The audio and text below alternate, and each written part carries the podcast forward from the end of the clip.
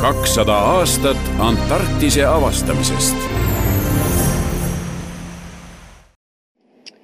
meie reisi esimesel õhtul toimus salongis väga huvitav vestlus, kus loengupidajaks oli Tarmo Soomere, ülejäänud meeskond kuulas Teaduste Akadeemia presidenti. Tarmo, kas me suudaksime selle, selle loengu nüüd täna uuesti reprodutseerida?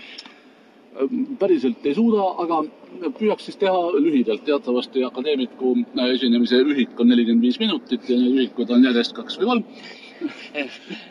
püüame jah, kokkuvõtvalt rääkida, aga teema iseenesest on väga huvitav. lained, kuidas nad tekivad, miks nad tekivad, kui suured nad on? Lained on esimene asi, mida me merele minnes märkame või, või ka suure järve ääres märkame.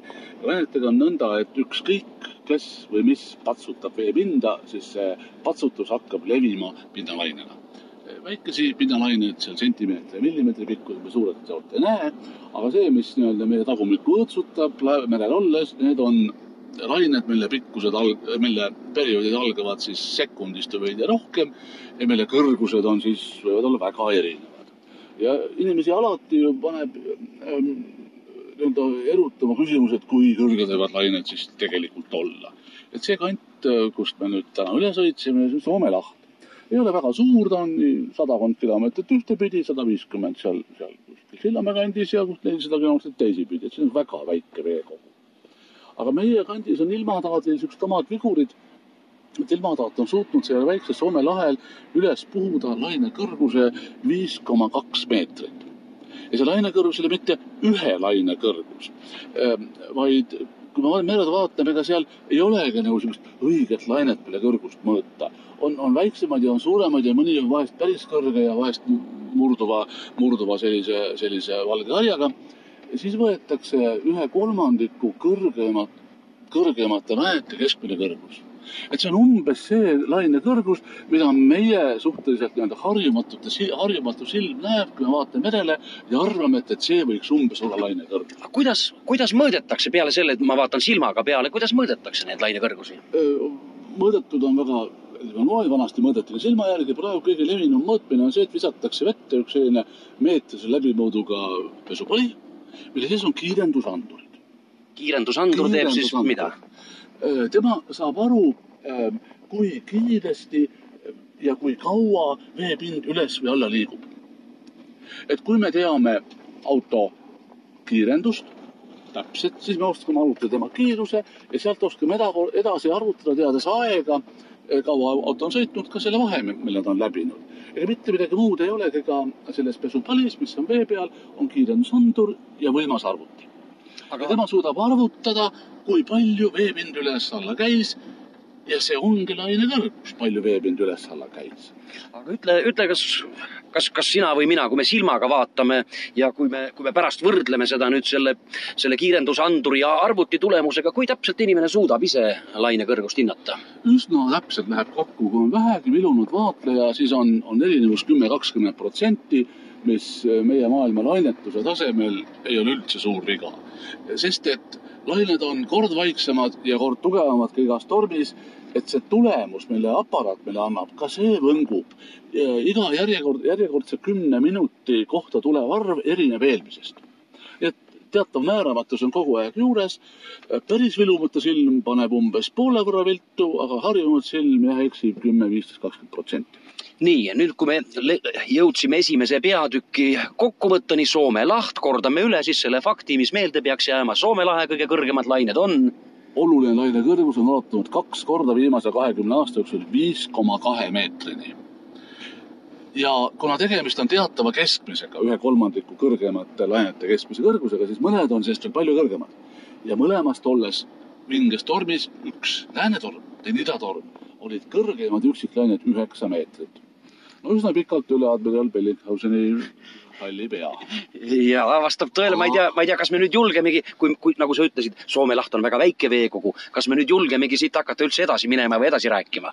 no õnneks meeskond juba teab seda, mis ees ootab, nii et kui nüüd ülejäänud Eestimaa pealt kuulab, pole midagi hullu, nemad saavad ka teada, mis meeskond ees ootab.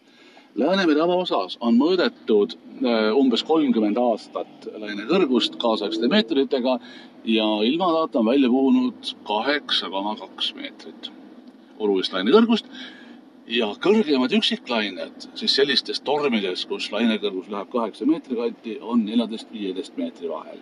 nii et siis kolm Bellingshausenit mahuks peaaegu sinna ära, mitte küll päriselt, natuke jääb, natuke jääb siis üle aga, aga me ei ole veel ookeanile jõudnud. mina oma meremehe kogemusest võin öelda, et, et kui Läänemere laine on selline lühike ja, ja sa sõidad, raputab sind nagu Kopli trammis, siis ookeani laine on tegelikult hästi mõnus, sa oled nagu ema süles kiigud seal vaikselt jah ja ei, et, et enamasti on see küll mõnus, aga kui jahtuda tõeliselt hea tormi sisse, äh, siis Läänemere ava, vabandust, Atlandi ookeani põhjaosas on äh, mõõdetud oluliseks lainekõrguseks kaheksateist meetri kanti ja üksiklaineid üle kolmekümne meetri. üks konkreetne uurimislaev Rockalli saare juures äh, jäi terveks, inimesed jäid ellu, kui nad mõõtsid üle kolm, laine, mis oli üle kolmekümne meetri kõrge, nii et ta tõstis ja langetas selle laeva kolmkümmend meetrit. Siis see kõlab ausalt uskumatuna. Bellingshauseniga masti otsad oleksid. ka, siis, siis, siis oleks ka masti, masti otsad kadunud, jah. aga need lained olid jah, suhteliselt lauged. Kõige ebamugavam situatsioon ootab seda meeskonda ees, kui nad jõuavad, jõuavad meie planeedi lõunapoolkera neljakümnendate laiuskraadidel. see on see kant, kus tuul saab ringratast ümber maakera puhuda. nii et ta katkestab õige natuke ainult Patagoonia ja seal, seal Tšiili lõunaots. Need on need kuulsad roaming forties. täpselt, möirgavad neljakümnendad eesti keeles ja seal on aasta keskmine oluline lainekõrgus nelja ja viie meetri vahel. Läänemerel on see õige veidi üle ühe meetri ja, ja kui meil on oluline lainekõrgus seitse meetrit selline, mille puhul antakse tõsine hädasignaal, meri tuleb tühjaks teha, inimesed peavad ära tulema, laevad peavad ära toodama, siis seal on siis, siis viis meetrit igapäevane. et see saab olema äh, natuke kannatuste aeg, aga midagi ei ole parata, kui tahta Antarktikasse jõuda, siis tuleb see üle elada. ja sinna ma oskaksin seda öelda, et, et ega siis see kõik, mida me teame, ei ole ju tegelikult hirmutav. hirmutab see, mida me ei tea ja millega hakkama saada ei oska. Need, kes admiral Bellingshauseni konstrueerisid, teadsid juba väga hästi, kui vinged võivad lain, lained maailmas olla.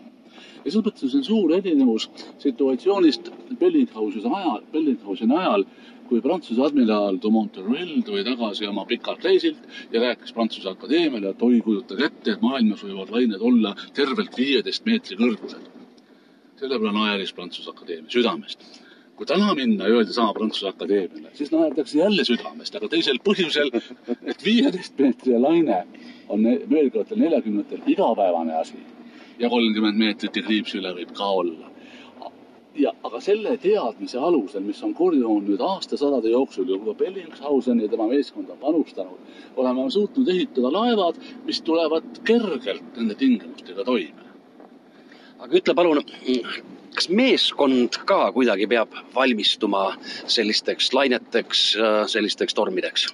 no kellel on nüüd natukene kehv see keskkõrv ja, ja tasakaaluaparaat, eks ikka esimene kolm-neli päeva on, on võrdlemisi vastik. aga see mõjub sellistele nii-öelda suurekasvulistele ja, ja suurekõhulistele ainult hästi.